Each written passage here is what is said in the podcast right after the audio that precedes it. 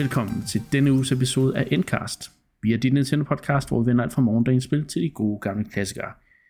I den her uge, der skal vi snakke om, øh, at vi har været til forpremiere på Super Mario Bros. Wonder, og det bliver en meget Super Mario Bros. Wonder fokuseret episode med en forskellige øh, nyheder omkring spillet.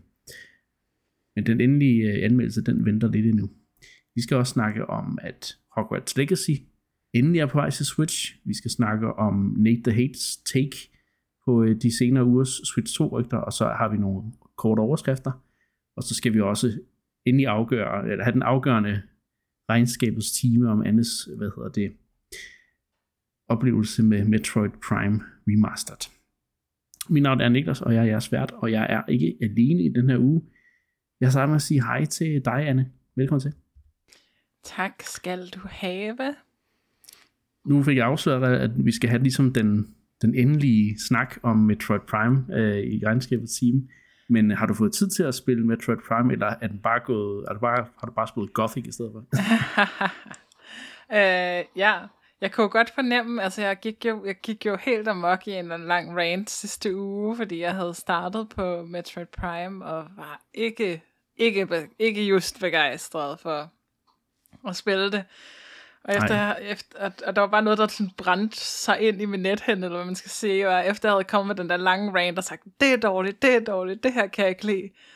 Og så siger du bare et sådan helt nedtrykt, Niklas. eller noget med sådan, ja, det, det, det var hårdt at høre. og, så, og så tænkte jeg, åh, åh. ja, hvad, ja. Hvad, hvad kommer folk til at tænke om, om den her lange range, jeg gik på? Men øhm, jeg har spillet videre.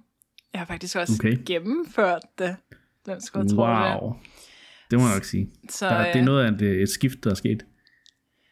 Ja. ja, det må vi jo så se. Vi kan jo mm. i hvert fald... Øh, man kan jo se frem til, at vi skal snakke om det i slutningen af episoden.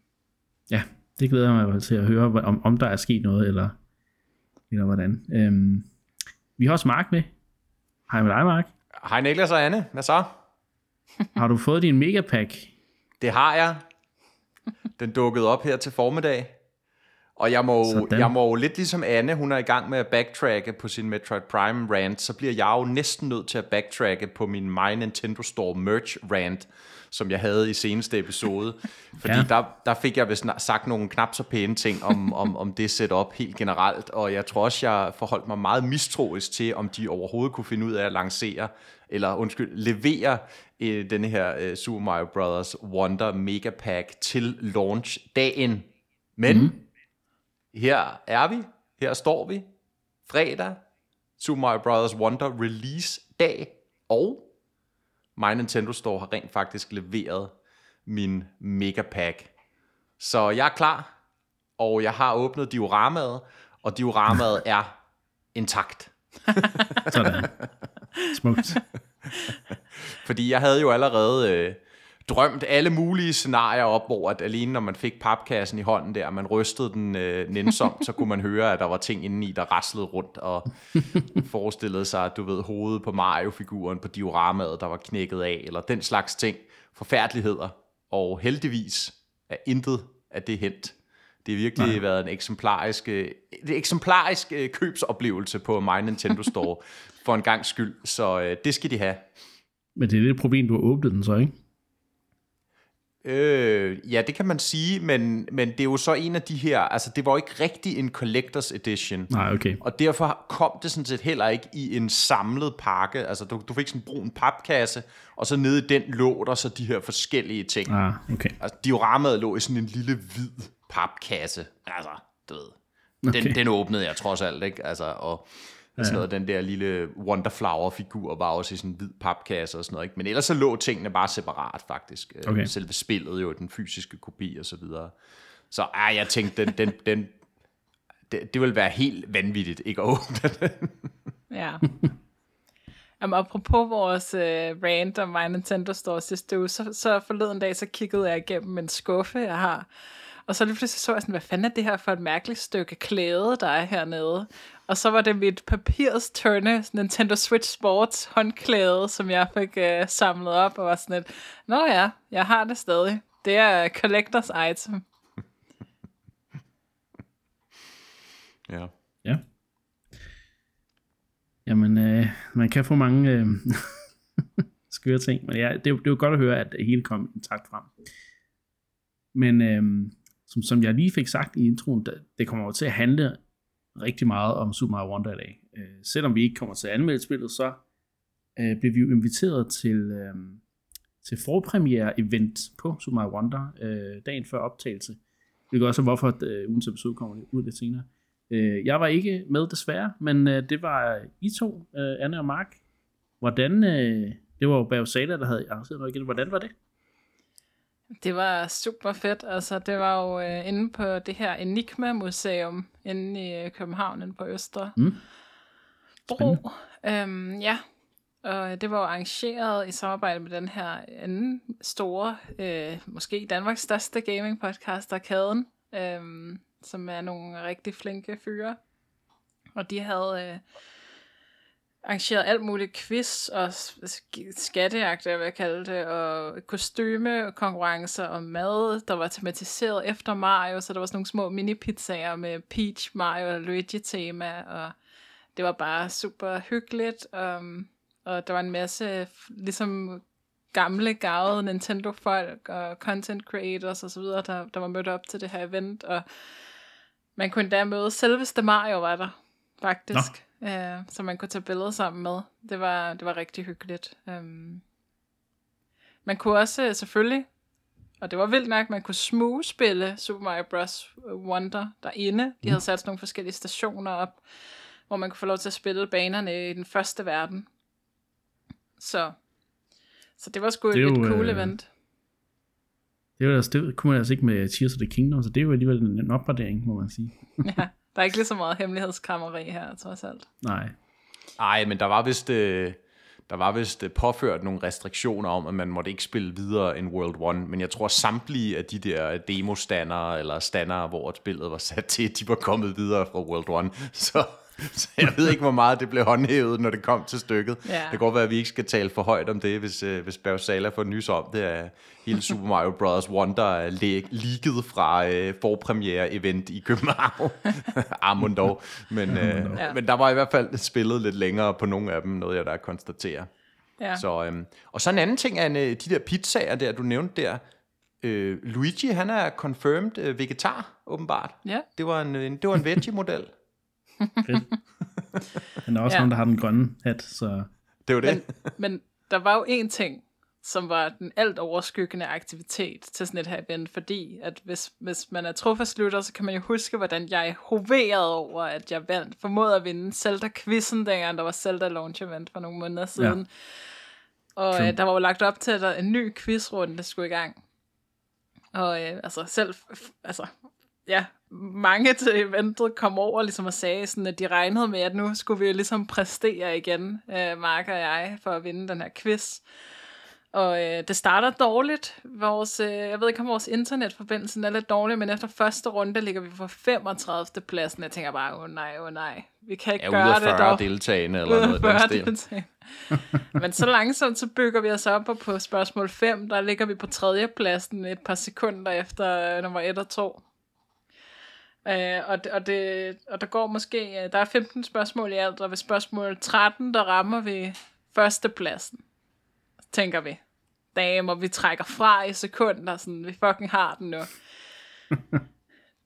Mark, Ja, og, og, især, og især fordi på det næstsidste spørgsmål, det udfordrede åbenbart rigtig mange af de besøgende, ikke? fordi der får man spørgsmålet om, hvad, hvor er Princess Daisy, prinsesse henne, i hvilket kongerige eller land, eller hvad man skal sige. Ikke? ja. Og øh, det var der mange, der ikke kunne svare på. Og jeg stod jo med det samme. Jeg har jo spillet øh, Super Mario Land til Game Boy til døde. Og mm. det er jo blandt andet her, man får det at vide jo ikke, at hun er prinsesse i det, der hedder Sarasa-land. Men det var et meget specielt navn jo ikke, og som jeg tror aldrig rigtig er vendt tilbage i Mario-regi. Men, øh, men det er hun jo, og ja, det var der mange, der svarede forkert på, og den havde vi så også rigtig, Anne, og så førte vi jo lige pludselig med 10 sekunder eller sådan noget, tror jeg, Ja. ned til nummer to. Og så kommer det sidste spørgsmål. det sidste spørgsmål.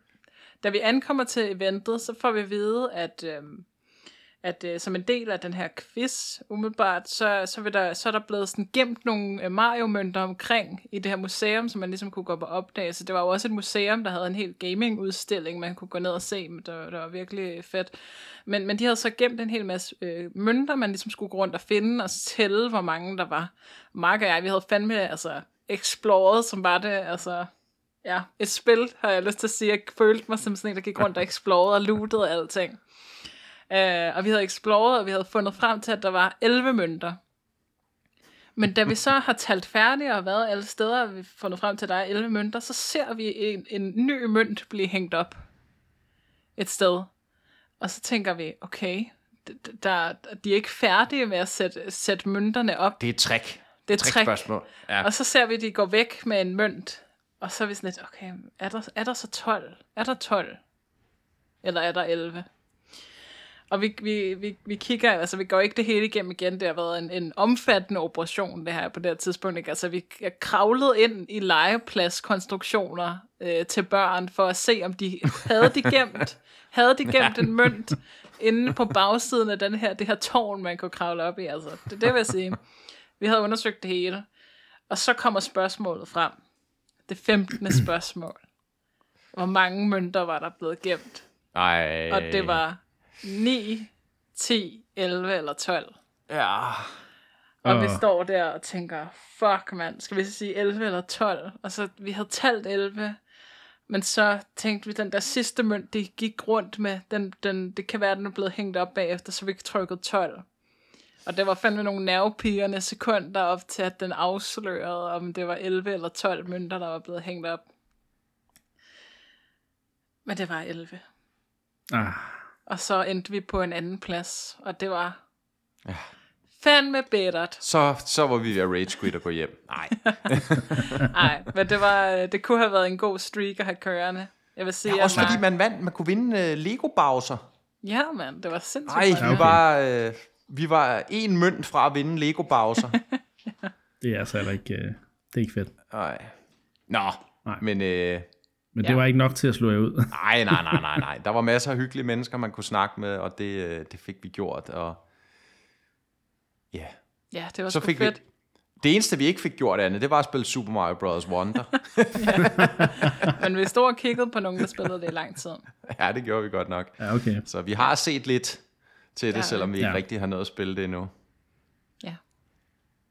Det er sgu fedt. Det er fedt, Nintendo laver de her events. Vi håber, at uh, der, der kommer flere af den slags i, i fremtiden. Det, det er mm. super fedt.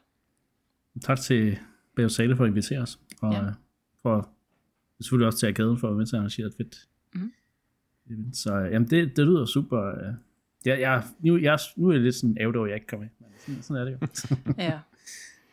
ja. um, jeg har med næste gang, det er noget. Hvis de laver noget. Ej, må det ikke. Ah, Switch 2 lancering, ikke? Jo, jo. Øhm, ja, men øh, det lyder rigtig, rigtig hyggeligt. Var der, er der mere, er der nogle øh, sådan andre øh, sådan juicy tidbits, som vi lige skal snakke om fra, fra forpremiere? Det, ikke, det lyder ikke sådan.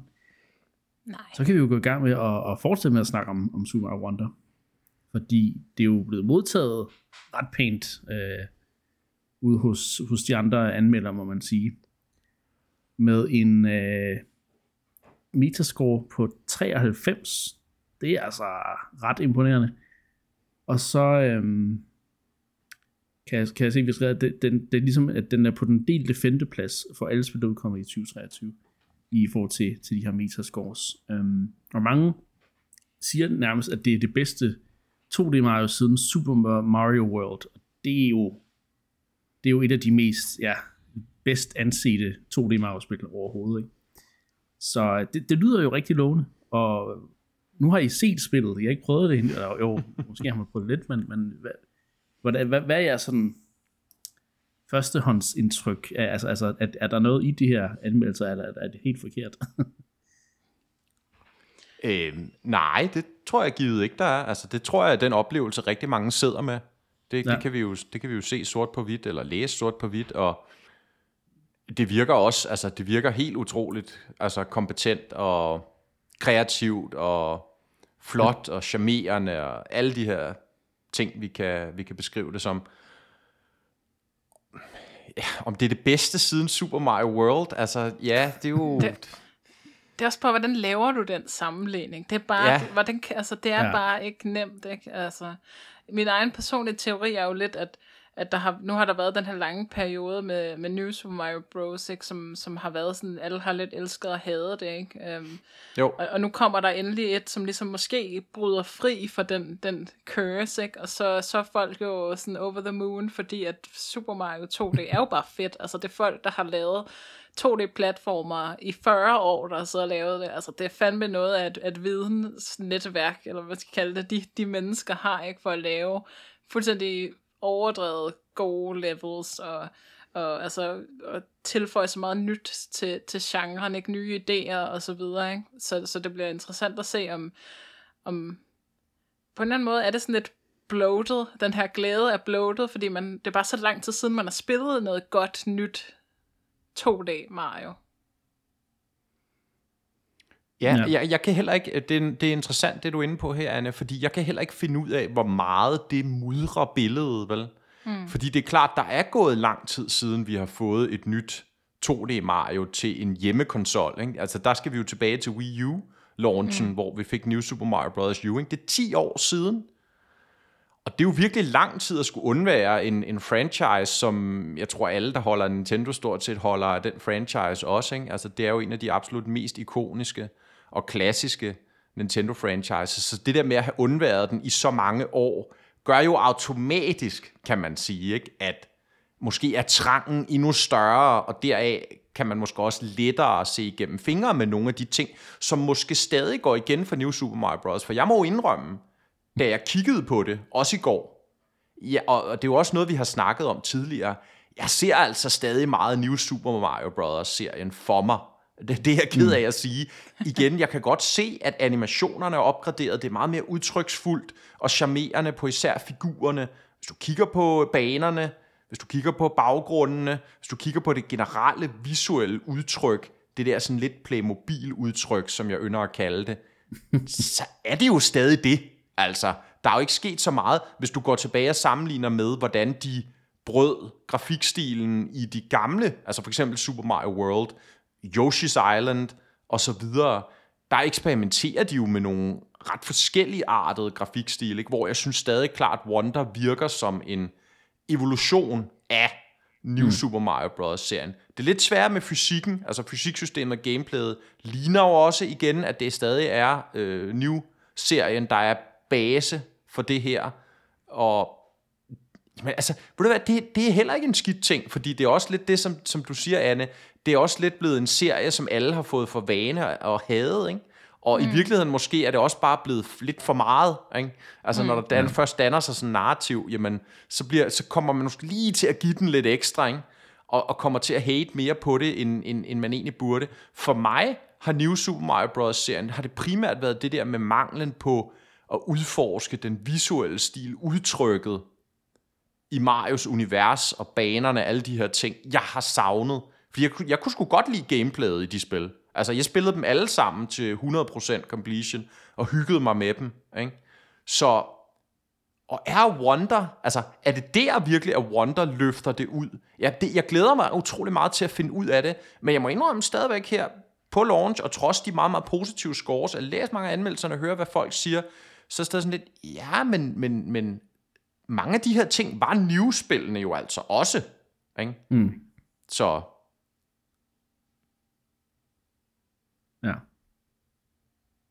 Altså personligt, der er det, altså jeg, på en eller anden måde er jeg næsten imponeret over, at vi får et nyt 2D Mario, fordi efter vi har haft to Mario Maker øh, spil, havde jeg sådan svært ved at se, hvad, hvad skal serien herfra, når nu vi kommer hen i sådan en mere spillerkreativ øh, retning. Men det betyder selvfølgelig ikke, at, altså, altså, at man ikke kan lave øh, top-notch 2D-platformers i nye, nye 2D-platformer til serien. Så jeg er bare sådan, Altså, jeg glæder mig til at se præcis, hvor, hvor altså, hvordan de ligesom løfter det øh, til nye højder med det her. Måske endda den der wonder-effekt og sådan nogle ting, ikke? som virker til at være jo den store, øh, den store celler, det man skal sige. Men, men øh, det, jeg, jeg er virkelig spændt på at se, altså, også fordi, at der er jo selvfølgelig stor forskel på at spille brugergenererede Mario-baner, i forhold til at spille Mario-baner, der er, altså, der er lavet af Nintendo selv. Så det er jo, det er jo en helt anden kvalitet øh, i, mm. i mange tilfælde. Ikke? Øh, så, så ja, men jeg glæder mig til at komme tilbage til, hvad kan man sige, det, det, altså baner, der er skabt af de her eksperter på området. Ikke? Øh, men ja, ja, jeg er spændt på at se, hvordan, hvordan, om, om det føles som om, at den ligesom ja, presser, presser genren lidt øh, også. Eller om det egentlig stadig føles lidt, øh, lidt safe, eller hvad man skal sige. Ja. Det bliver spændende. Mere om mm. det i næste uge. ja, der får I jo svaret. um, jeg har endnu ikke fået mit spil i optagende stund, men uh, jeg håber, at eller, jeg, jeg, ved det, jeg ved det, når det kommer ind næste uge, så jeg, jeg skal virkelig bare game uh, derudad, når det kommer. Uh, så jeg godt kan mærke også, på en eller anden måde, altså det, det, det er ikke den samme hype som uh, for eksempel Tears of the Kingdom, men, men det er også jeg, er stadigvæk, uh, jeg, er stadigvæk, jeg ser stadigvæk meget frem til det. Det gør Ja, der tror jeg godt. Der tror jeg, den matcher for mig. Det må jeg sige. Okay. Du er jo også Mr. 2D-platformer. Ja, ja. det er jo så det. Men vi bliver i øh, uh, My Wonder uh, stadigvæk. Der, der, der er altså mange, der, der er selvfølgelig altid masse historier op, uh, op til. Vi ved at Charles Martinet jo ikke længere giver stemme til Mario, heller ikke her i, i Wonder. Og nu er det så kommet frem, hvem der rent faktisk har lagt stemme til ham i, uh, Ja, Anne, vil du øh, ikke præsentere? Jo, det var jo det her, altså vi har jo dækket det hele sommeren, ikke, med Charles Martinet, der trækker sig, og der er ikke rigtig nogen, der siger hvorfor, og hvad der er sket, og så vil de heller ikke sige, hvem den nye voice er. Og det, det kan vi finde ud af i creditsene til spillet, ikke? Men så alligevel her forleden dag, så breaker det. Jeg nåede jo faktisk at læse dagen inden, for der var folk, der var gået virkelig på hånd. Ikke? Jo mere content, der ligesom kom ud fra spillet, jo mere begyndte folk ligesom at indsnævre det. Det kan være de her tre personer og sådan noget, læste posts ja. om og sådan noget, ikke? Og især, øhm, hvis jeg ikke tager meget fejl, så den der Wonderflower voice, der er den samme person. Måske. Nå, det er også det meget, hvis det ikke er. Det, det synes jeg bare, jeg har læst. Men, men der var i hvert fald nogen, der, der, der var inde og høre og sige, at den her person lyder rigtig meget som ham, der har lagt stemme til øh, en af de her karakterer, det er meget populære online-spil, Genshin Impact, der hedder Arnold. Mm. Um, og så gik der ikke mange dage, før at Nintendo, de så var ude og sige, eller det var også ikke engang Nintendo, det var faktisk stemmeskuespilleren selv, der var ude på Twitter og skrev, surprise, det var mig, man skrev så ikke så meget, I havde gættet det, men det må, lå måske lidt i, øh, i kortene, at de nu annoncerede det, fordi at folk var rimelig tæt på at gætte det, og spillet var jo også leaked, ikke? Så, så, så der ville jo ikke gå lang tid før, at nogen nåede til creditsene og kunne se navnet. Øh, og så var det trods alt bedre, at personen selv får lov til at, øh, at, at for, fortælle det til verden. Og det er jo den her unge, 26-årige voice actor, der hedder Kevin Afghani, som, øh, som de har valgt. Det er jo ret interessant det her med at vælge en person, der har altså ikke et langt CV over stemmer, der er blevet, øh, altså stemmer, øh, han har voicet. Han har lavet, øh, som sagt, Genshin Impact, og så en, en anden fan skabt Dragon Ball spin-off serie. Så man må sige, at det er et ungt talent, de hiver ind, og det er jo interessant i sig selv. Ikke? Ja.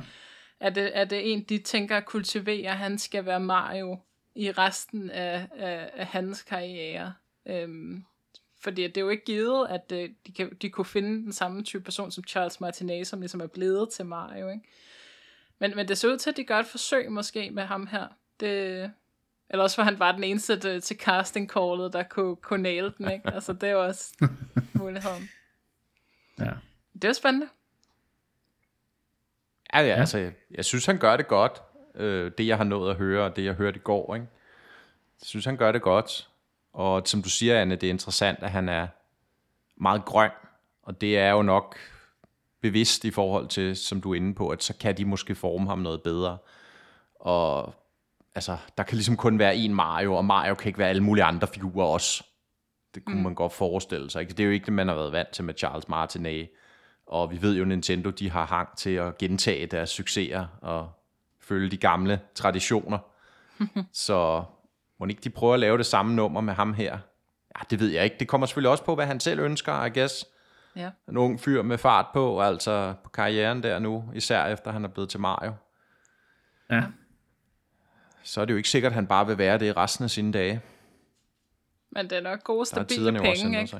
Hvor mange Mario-spil kommer der om året? ja, ja, nu kan han så være Mario lige om lidt, måske. Det, det får vi jo se, det bliver meget interessant, ja. ikke? Altså, om, om, om, om det er en beslutning, fordi Nintendo har jo ikke selv skrevet noget, så vidt jeg har set, om at det er ham, og nu er han ligesom Marios stemme permanent going forward. Mm. I teorien kan det jo godt være, at de har tænkt sig at skifte ud mere løbende, eller måske ja. finde en helt anden stemme til ja, nogle af de andre figurer, mm. Wario, øh, sådan så for at nuancere dem noget mere.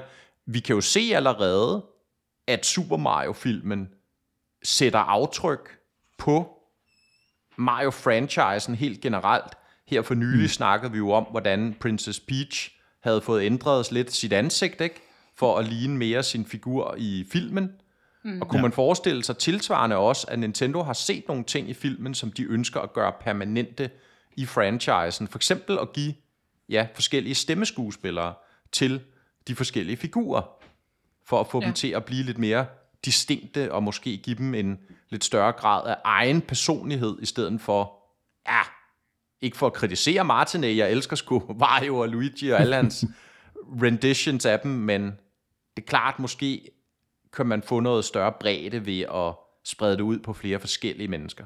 Og måske kalder mm. fremtiden også, altså de mange næste år også på, på selvfølgelig kommer Mario-spillene aldrig til at være narrativt baseret spil, men, men kunne man forvente lidt mere historie i nogle af spillene især, ikke? og der, der kommer større og større øh, krav, altså det bliver mere og mere forventet, at et en spil har voice acting, ikke? og lige, lige så meget som Nintendo prøver at holde igen på den der, så, så kan de ikke for evigt blive ved, de må, må til sidst ligesom give op og, og commit sig til voice acting i, i deres spil, ikke? altså det kan man jo se, den her øh, flower dude allerede, ikke? der skal snakke hele tiden, hvis du spiller Mario, ikke? det er bare første skridt på vejen, ikke? altså, True. Hvis det, ja, det er, ja. Der, der bliver jeg bare nødt til at sige, jeg kommer til at slå den der skide blomst fra. Ja, jeg tror ikke, jeg kan du, holde til det. Du, ja. come on, mand. Hvad er det, du jeg, har så kæmpe problem nej, med jeg, den blomst? Jeg, jeg, kan, jeg kan ikke. Jeg kan Ej, ikke, du må fucking give den en chance. Jeg synes, ja, ja, du skal det, give blomsten det, en chance. Ja, det, det skal jeg nok gøre. Jeg giver det en chance, men jeg er bange for, at jeg kommer til at slå den fra, fordi... Puh. Men det er også lige så meget bare... For... Altså, det er jo ikke så meget stemme kun. Altså, det er også de, de ting, den siger. Altså, stod og blev lidt mærke i i går, hvad det er, den siger. Det er fuldstændig ligegyldigt. Altså, det er jo ligegyldige ting, den siger hele tiden. Hvorfor skal den være der? Jeg forstår det ikke. Mærkelig mekanik. jeg er sikker på, at det, er, det tiltaler den yngre målgruppe. Ja, men det er sikkert sådan noget, men det er ikke mig, Niklas. Jeg er en gammel sur mand, og jeg vil ikke have sådan nogen, der snakker opløftende til mig i mit Mario-spil. Altså, jeg, jeg, jeg, glæder mig til at få lidt... Uh, til, jeg glæder mig til at få ekstra cringe i mit Mario-spil. Det, det skal der også til. ja, det har du sagt. Det, det løfter oplevelsen på nogle måder. jeg kommer til at spille med den hele vejen. ja. Det gør jeg. Så vil jeg slå den fra i mit second playthrough, men uh. ja. Ej, Anne, der synes jeg lige, du bliver nødt til at give den en chance, for at den rent faktisk kan være dårlig, og du bliver nødt til at slå den fra. ja, men det er vel altid implicit chance. Mm-hmm. Ja, ja, det er jo det. Men hvis man har spillet Xenoblade Chronicles 1 uden at slå stemmer fra i combat, så kan man vist også godt uh, lige klare et par, par blomster i Mario Wonder. Uh, ja. Det var hvis, kun, hvis man begik den fejl at spille det på engelsk, vil jeg bare lige sige. Men Mark, der er jo nogen, der har i gåseøjne opgraderet de her blomster i, i modding communityet. Hvad, hvordan øh, hænger det i? Hvad, ja, men jeg hvad tror, er jeg er ikke den eneste derude, der sidder og har det lidt øh, på forkant øh, bøvlet med den her blomst, fordi og de ting, den siger, fordi at det, øh, det var noget af det første, første, der dukkede op til spillet, efter at det var blevet leaget, og I ved, at hackers og modders, de begynder at pille ved, ja. ved spillet, øh, når, man, når man kører det via en emulator selvfølgelig, ikke? Øhm, og det var simpelthen, at blomsterne, de skulle sige noget andet, end det, de siger. Og ja, og det var selvfølgelig øh, ukvems ord af forskellige art, ikke? Så sådan noget, fuck dig Mario, og sådan noget, siger blomsterne, ikke? Så der dukkede video op på YouTube af, at, at ja, Super Mario Wonder gameplay, hvor at, uh, hver gang han kommer forbi en blomst, så er det, ja, så er det noget af det, jeg lige, ja, du er dårlig, nu skal du bare dø, og, Og det var lidt sjovt, jeg, jeg tog mig selv lidt at uh, trække på smilebåndet, selvom det også var meget primitivt, men uh, ja, det var en kortvarig fornøjelse, fordi at Nintendo fik hurtigt fjernet mange af de her videoer. Uh, der må man sige, der var de meget effektive til hurtigt at lukke ned for det, så ikke, fordi det lignede jo også bare, altså det var det reelle spil, ja, ja. Ikke, hvor de bare lige havde hacket de her uh, uh, tekstbider, som blomsterne ligesom siger, og ja, ja, det jo altså... Ja. Og, og vi kan sidde og grine af det, ikke? og de fleste kan jo sidde og grine af det, ikke? men altså, hvis der sidder nogle konservative forældre der ude et sted, ikke? og måske især i, i the US of A, ikke? Altså, så er det fandme ikke godt, hvis dit barn lige pludselig sidder og ser en TikTok-video, hvor der er noget, der siger, fuck you Mario, ikke? Altså, så er der blacklistet Mario-spil for evigt, ikke? Altså, der har ja, Nintendo det det. bare Altså, der, der er bare no mercy. Det skal fandme lukkes ned. Med det samme, det, det går ikke, at de på nogen måde kan sådan tainte deres uh, familievenlige øh, ry. Så Nej. jeg kan godt forstå, at, at de slår hårdt ned på det. Altså, det, det synes jeg, at de fleste burde kunne forstå, ikke? Altså, øh, altså vi kan sidde og grine af det, men, men det er der nogen, der bestemt ikke kan, ikke? De her øh, computerspilshadende øh, mødre og fædre. Nå ja, men det er jo sådan, det er, ikke? Altså, ja, ja, ja. Det er rigtigt nok. Og det er jo, ja, så det, det er en meget øh, Nintendo, øh, ja, Nintendo opførsel. Øh, ja, at de, at de er så hurtigt ud at fjerne de her ting, ja. så ja. Tror I så, man kan få, øh, tror I så, hvor lang tid tror I, der går, før der så er nogen, der har bygget en AI-mod, hvor at Kevin Afghani, han så indtaler de her ukvemsord i Mario Wonder? Ja, ikke længe. Jeg giver det en måned, mindre højst. ja. Så. Nå, men ja, øh, det, var, men det, det var meget sjov, meget sjov historie, ja. når det kom til stykket. Det er, og igen, jeg synes, det, det vidner om, Anne, at der er, uh, den der blomst, den deler vandene. Den deler vandene. Ja, det har det også gjort fra starten af. Jeg kan ja. jo huske, da jeg så traileren, den første trailer med blomster, at jeg, uha, jeg krummede sgu det tær, det må jeg sige. Onwards and upwards ah, ja. Det er næsten ligesom at se en, uh, en direct. Ham der direct announceren. Ja. Der bliver lavet mange memes på det. Nå, det kan vi snakke om en anden gang. Men det er også bare igen, ikke, som jeg sagde før, det er de der ting, den siger også, altså det lød jeg mærke til i går, ikke? altså når man går forbi de der blomster, så er det sådan noget, så siger den bare, this way. okay, okay, men hvad skal jeg bruge det til, altså? Det er jo tænker, fucking 2D Mario. Jeg ved, jeg skal gå fra venstre mod højre. Hvorfor fanden har jeg brug for en talende blomst til at sige this way? altså. Det er jo bare en blomst, der er dårlig til, til, til small talk, og det, det, det, han, han prøver virkelig meget. Føler du dig talt ned til? Jamen, og det er ligesom, og det er det, jeg mener med, det er jo ikke så meget i sig selv, okay, det er også meget den der, det der toneleje og så videre, men, men det er også lige så meget det, den skal sige. Altså, hvorfor skal den sige det? Altså, kom nu. Så skriv der jo noget, der måske var lidt mere vittigt, ikke? Altså. Det skal nok komme, ja. når du når ind til Det kan være, det kommer baner. i de allersværeste baner. Så kan det være, at virkelig så får Nintendo deres så kommer, egen Så kommer mod. You Suck. Ja, så kommer den. Det, var, det er det store twist på den her historie. Det var i virkeligheden ja. rigtig gameplay fra de hemmelige baner til sidst ja. i et eller andet Star World, eller hvad det hedder i det her spil. ja. Ja. Ja, jeg, jeg glæder mig til at høre din øh, blomst-snak anmeldelse også i næste uge, øh, Mark. Ja, i lige måde, Niklas om du har, har holdt, beholdt stemmerne ja. eller ej. Men det var simpelthen det, vi havde øh, for den her øh, omgang om uh, Super Mario Bros. Wonder, og altså, det bliver det store deep dive næste gang, vi snakker mm. om spillet, så det glæder mig rigtig, rigtig meget til. Nu skal vi snakke om noget helt andet. Nu skal vi, øh, nu skal vi ind i et, øh, nu skal vi ind i Harry Potter-universet. Fordi, som jeg fik nævnt i introen, så øh, altså Hogwarts Legacy har jo været annonceret til Switch nærmest fra starten af. Øh, og øh, mange tænkte jo, da de så det første gang til PlayStation 5 og Xbox, at det, det, det spil, hvordan skal det nogensinde kunne køre på, på Switch? Og det er så også blevet øh, udskudt et par gange i mellemtiden, øh, for ligesom at, jeg har tænkt udviklingen, de har måske skulle bruge noget mere tid på at, at, at få det portet og så videre, fordi man har jo ikke tænkt, hvad, er det så en cloud-version, der kommer, eller er det, må det simpelthen native, altså der, der, der kører på Switchen, og øhm, Nintendo of America har øh, forleden uploadet nogle screenshots fra Switch-versionen af Hogwarts Legacy, og øhm, vi har ligesom også bekræftet, fået bekræftet, at det er en konvertering til en port til Nintendo Switch, og ikke en cloud-version.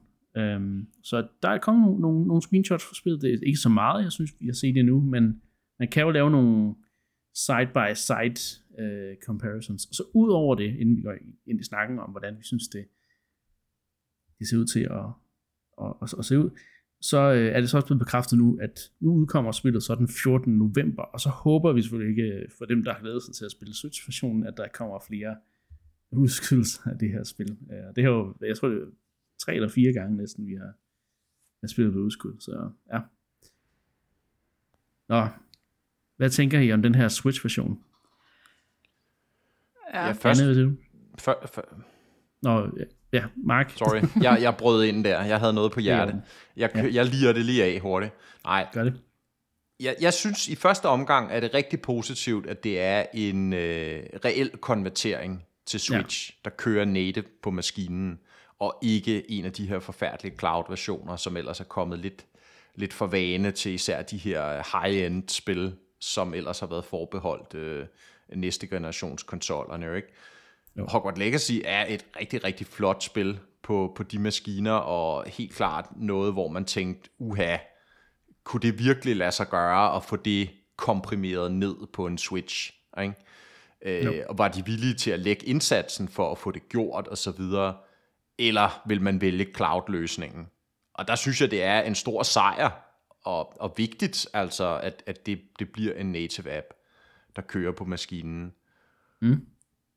Og i forhold til de billeder, jamen, så synes jeg faktisk ikke, det ser skidt ud. Altså jo, selvfølgelig kan man se, som du siger, Niklas, hvis man sammenligner side by side, så er der sket rigtig mange øh, nedgraderinger. Det er klart, alt andet vil være mærkeligt. Mm. Sort magi. Sort magi, men jeg synes faktisk, det ser ret fint ud på de screenshots. Det er jo så en helt anden snak, øh, når vi kommer til at se noget video, fordi det der jo altid er med det her også, det er, hvordan er performance? Hvor mange mm-hmm. frames har vi at gøre med her? Er vi nede i Nintendo 64 størrelser, eller har vi rent faktisk... Er det et cifrede frames, vi kører her?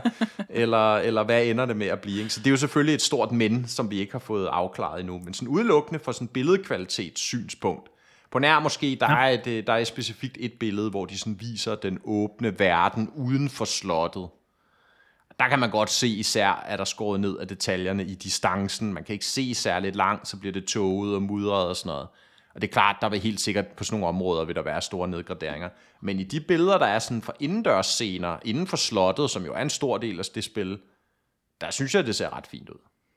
Mm. Altså alt andet vil jo også være mærkeligt. Vi snakker, altså for at sætte det perspektiv, vi snakker en 8 år gammel altså Android-tablet kan man næsten sammenligne den med, ikke? hvis man skulle være lidt grov ved Switchen, ikke? Altså, det, det er jo vildt, at det overhovedet kan lade sig gøre, ikke? Det er jo ikke så særlig mange uger siden, jeg igen, og jeg vil for evigt bringe den pointe op, hver eneste gang, vi snakker om Switchen som konsol, sige, da, da den blev lanceret, og Skyrim, altså et fucking 12 år gammelt spil, blev vist, at den skulle komme på Switch. Altså, vi var mind blown over, at noget så vildt ja. kunne køre, ikke? At det her kan køre altså hvis det kan, det må vi jo så se. øh, altså, det er jo en, en vild bedrift. Altså lige meget hvor mudret baggrunden øh, er i distancen, så er det vildt.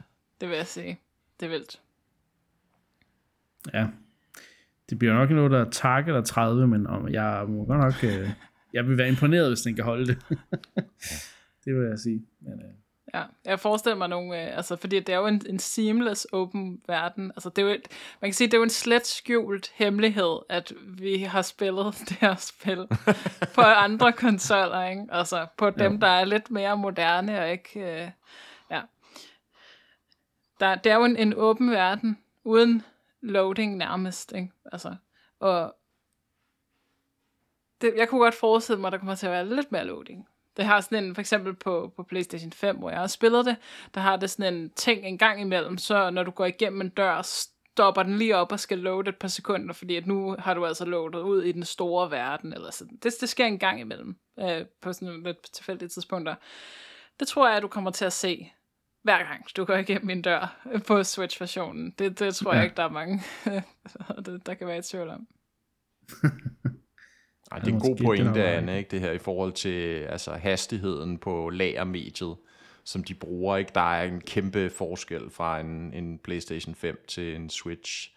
Ja. Øhm, de bruger jo de her nye SSD'er i PS5'eren, og det gør, at de kan load ting ekstremt hurtigt.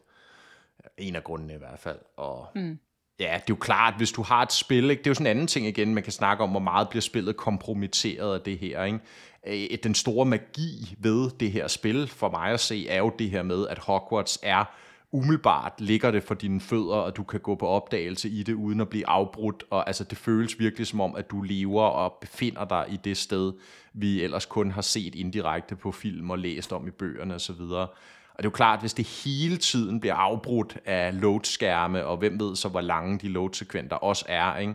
så kunne man godt tale om, at det ligesom bliver en, altså det bliver så stor en nedgradering, at spillet på en eller anden måde er kompromitteret, eller hvad vi skal kalde det. Men okay, nu tager vi forskud på soverne, men jeg tror helt klart, at du har ret i, selvfølgelig vil der være ekstra load-tider, men, men forhåbentlig finder de en eller anden balance, hvor det ikke sådan helt øh, fjerner den der følelse af, at du kan løbe fra, fra det øverste tårn i Hogwarts til den dybeste kælder, øh, uden at, at skulle blive synderligt afbrudt. Ja, jeg er spændt på at se, sådan det endelige, hvordan, hvordan spillet kommer til at, at køre. Ja.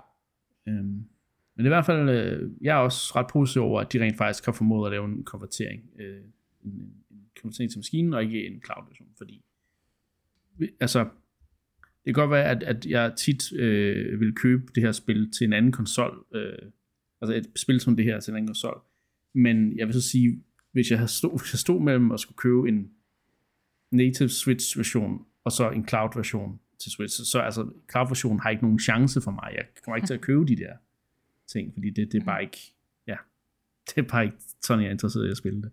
Så, så ja, jeg synes, det er meget positivt.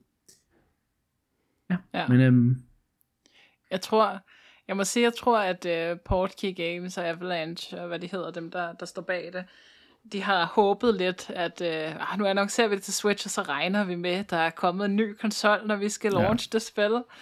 og så har de ventet og ventet og ventet, ligesom vi alle, alle vi andre har, ikke, på at Nintendo skulle, skulle komme med en ny konsol, og den kom ikke, og så er det sådan et, fuck mand, vi bliver nødt til at udgive det her spil til Switch nu.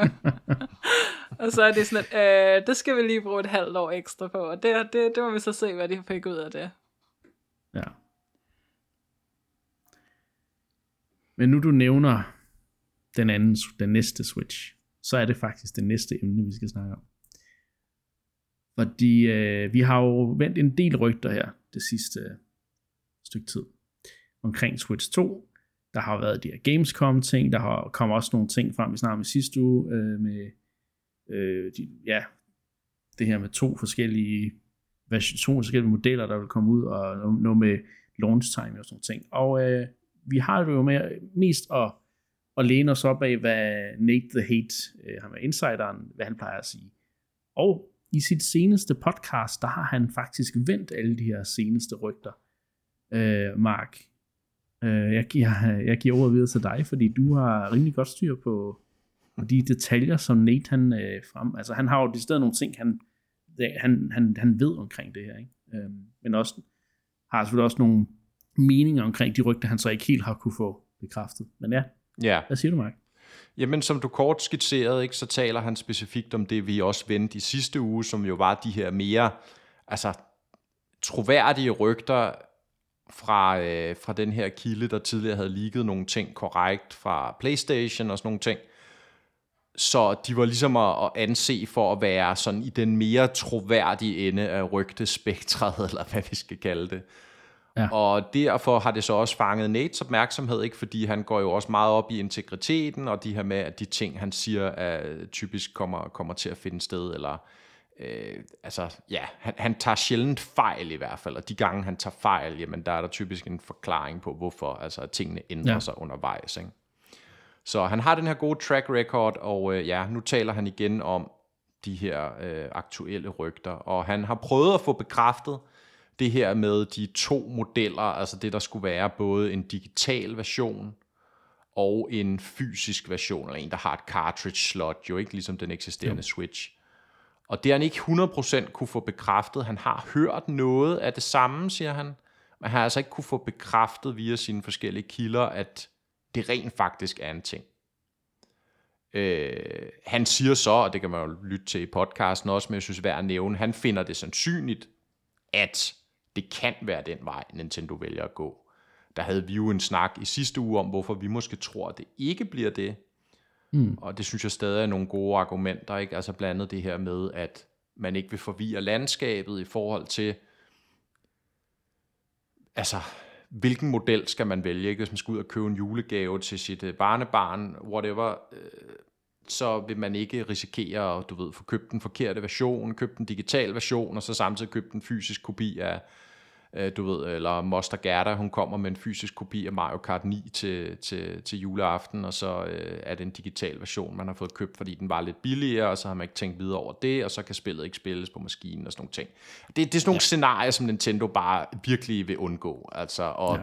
Og også det her, vi snakkede om, at det har i hvert fald ikke været en tradition for Nintendo at gøre det her. Det eneste, den eneste gang, de reelt set har gjort det for en hjemmekonsol, det var med Wii U, hvor der var ligesom to forskellige modeller, der også havde forskellige indmad og sådan noget. Det var lagerkapaciteten, ikke? Der var forskellige der, og sådan noget med farven, men Ja. Og den var jo ikke nogen succes, vel? Og der var det jo især det omkring Nej. kommunikationen og alle de her ting, der fejlede eklatant. Og igen, det er klart, det bliver bare en lille smule mere komplekst, hvis du skal begynde at have to forskellige versioner øh, på markedet på samme tid, og launch med ja. den der, ikke? Ja. Så okay, det han til gengæld mener at vide, den gode Nate the Hate. Så nu er vi altså over i det, han sådan synes at kunne få bekræftet for flere forskellige kilder af dem, han mm. trækker på. Det er, at maskinen kommer til at bruge en kostumiseret SoC, det der hedder en System of, øh, ja, SoC, System on Chip, ja, det er sådan der. Yes. Og det er jo anderledes fra den originale Switch, der havde den her, nu kaldt Anne den før en Android-tablet, jo, ikke? og der refererer hun jo selvfølgelig til, at det var en Tegra X1-chip, Nvidias SoC, som der også var i deciderede Android-devices her under deres egen Nvidia Shield. Altså det var den samme chip, der var ikke lavet nogen mm. justeringer af den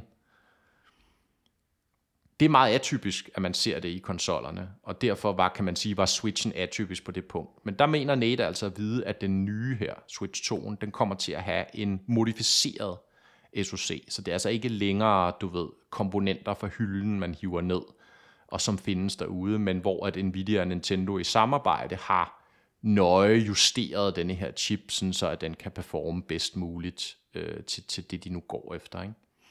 Det er jo interessant.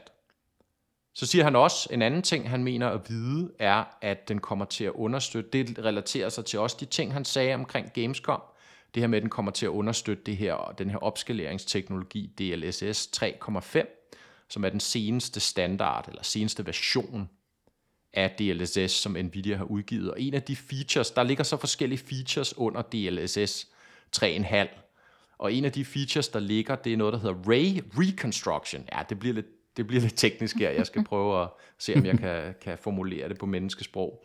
Men, og det er, altså, det er, sådan ret, altså, det er jo ret avanceret grafikteknologi, som der ellers er forbeholdt. Altså de nyeste Nvidia-grafikkort på markedet. Ikke? Altså dem folk giver, du ved, 10.000 plus kroner for på PC. Ikke? Nå, men der siger han altså, at den der nye øh, Nvidia SoC til Switch 2, den kommer til at understøtte det her Ray Reconstruction som en del af DLSS 3.5. Og igen, det er en lang snak om, hvad det konkret er, men det har noget at gøre med den her raytracing-teknologi, som er en ny måde at beregne lave lyssætning på i spil, i forhold til, hvad man traditionelt har gjort. Det er noget, der er meget sådan hyped og buzzword og sådan noget. Og raytracing er i virkeligheden flere ting. Ikke? Og der kan også være forskel på, om man beregner kun skygger i en scene, eller kun refleksioner, eller det er også sådan, at det hele pakken med lyssætning, skygger, refleksioner. Så man kan ligesom implementere raytracing på forskellige måder. Ikke? Og det er en meget, meget tung grafisk teknologi, det kræver meget, meget avanceret hardware, og selv de nyeste konsoller fra Sony og Microsoft har faktisk rigtig mange problemer med det her, fordi det er så performance-tungt. Der er spil, der understøtter det, men så er det typisk for eksempel kun skygger, eller kun ja. refleksioner, og that's it, og så fungerer resten af lyssætningen ellers, som det traditionelt har fungeret. Med den her reconstruction, det er noget, Nvidia har lavet, hvor at man ved hjælp af AI, som jo er en anden meget hyped teknologi, eller paraplyteknologi, eller hvad vi skal kalde det, øh, kan effektivisere raytracing, man gør det mere performance-venligt, så du kan få mere raytracing for pengene i bund og grund. Ikke? Mere, mere det her mere realistiske lys for pengene for den samme performance, eller for mindre performance.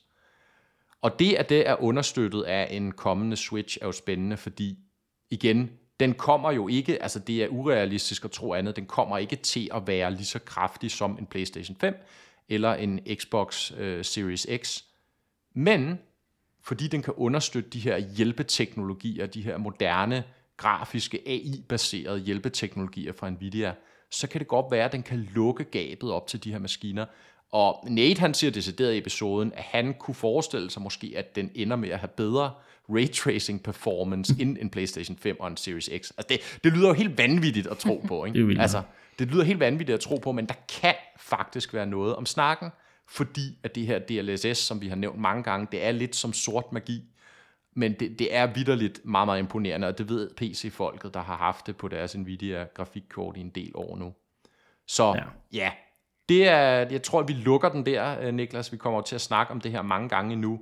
Men øh, jeg synes, det er meget, meget spændende. Og igen, som en, der er grafikinteresseret og også sætter pris på altså, pæn grafik, ikke? og for eksempel tænker, uh, hvad kunne man ikke lave med ray tracing i Metroid Prime 4? Uh, ikke? Ja. Så, så er det her spændende, det synes jeg. Nå, hvad siger I? Jeg håber, det gav mening. det, det, gør det, det gør det. Det gør det, helt klart.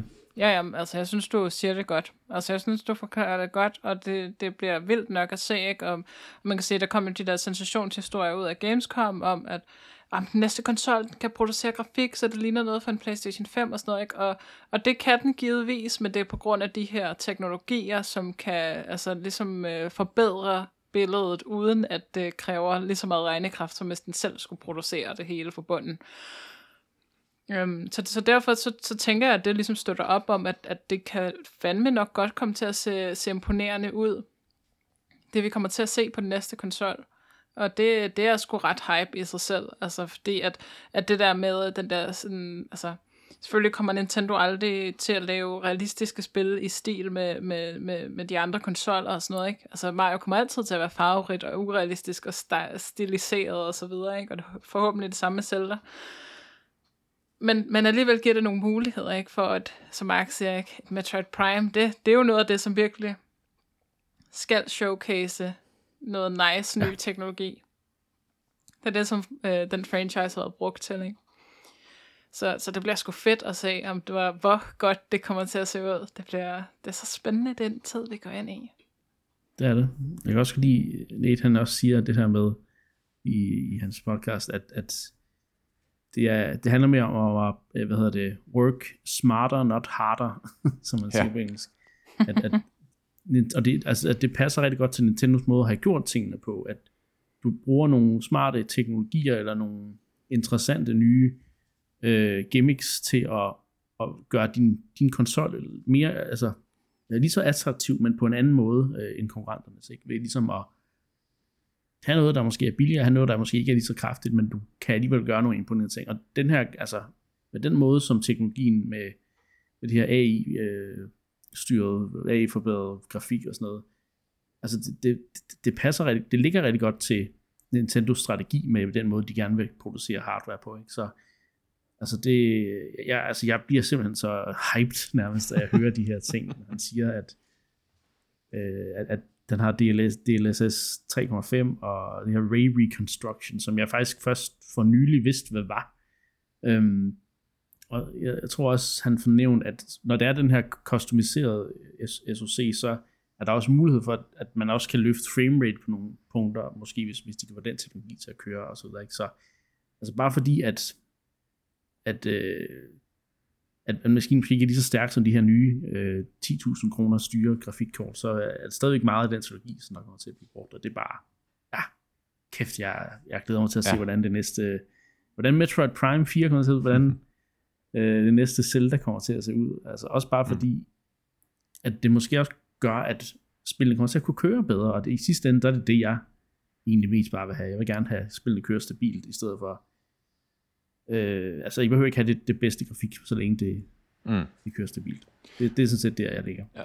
Men, så, men ja. en anden, altså et andet argument for, hvorfor det her også er vigtigt, ikke? selvom man måske, jeg vil give ret i, at det er jo ikke sikkert, at Nintendo kommer til at være frontrunners på at bruge alle de her Nej. features og virkelig altså presse citronen i forhold til at lave mere realistisk grafik og alt muligt andet. I øvrigt kan man også sagtens bruge ray tracing til at lave stiliseret grafik. Det er der ingen intet det. til hinder for, så, så, så jeg tror nok, vi skal se nogle, nogle kreative brug af det, hvis, hvis det viser sig at være tilfældet. Men det er jo det her med, hvor vigtigt er det, at de lukker gabet over for at få den her tredjepart supporting. Nu snakkede vi jo. om Hogwarts Legacy før. Det er klart, det, det, det er jo lidt ærgerligt, ikke, at man går ud og giver øh, 500 kroner for en version af Hogwarts Legacy, der bare på alle ledere kanter er væsentligt nedgraderet for en tilsvarende dyr, øh, eller en tilsvarende prissat version af spillet på konkurrerende hardware, og måske endda på det tidspunkt, hvor Switch-versionen endelig kommer ud, jamen der er den jo, kan den jo fås til halv pris, eller noget, der ligner på de konkurrerende maskiner, ikke samtidig med den version er meget flottere. Så det der med, at man kan få lukket gabet over til næste generations konsollerne, og måske komme længere, end hvad man havde troet. Det betyder jo utrolig meget for at få den der paritet, eller det der med, nå, men jeg kan alligevel ikke rigtig se forskel, vel? Og så kan det godt være, at de maskiner stadig på papiret, hvis du kigger på tallene, er meget kraftigere end en håndholdt Switch 2. Hvilket de forventeligt vil være, altså sådan er det bare. Men på grund af de her teknologier kan de lukke gabet, og derved få det til at ligne, at der ikke er stor forskel. Ikke? Det er der, vi kan lande. Ja. Og det åbner jo dørene for igen tredjeparter, som øh, altså Hogwarts Legacy, tilsvarende spil for mange af de store producenter. Øh, ikke øh, Rockstar, de her, der laver store open world spil og sådan noget, Ubisoft, som har svært ved at pakke de her spil ned på en Switch. Kan de gøre det på en Switch 2?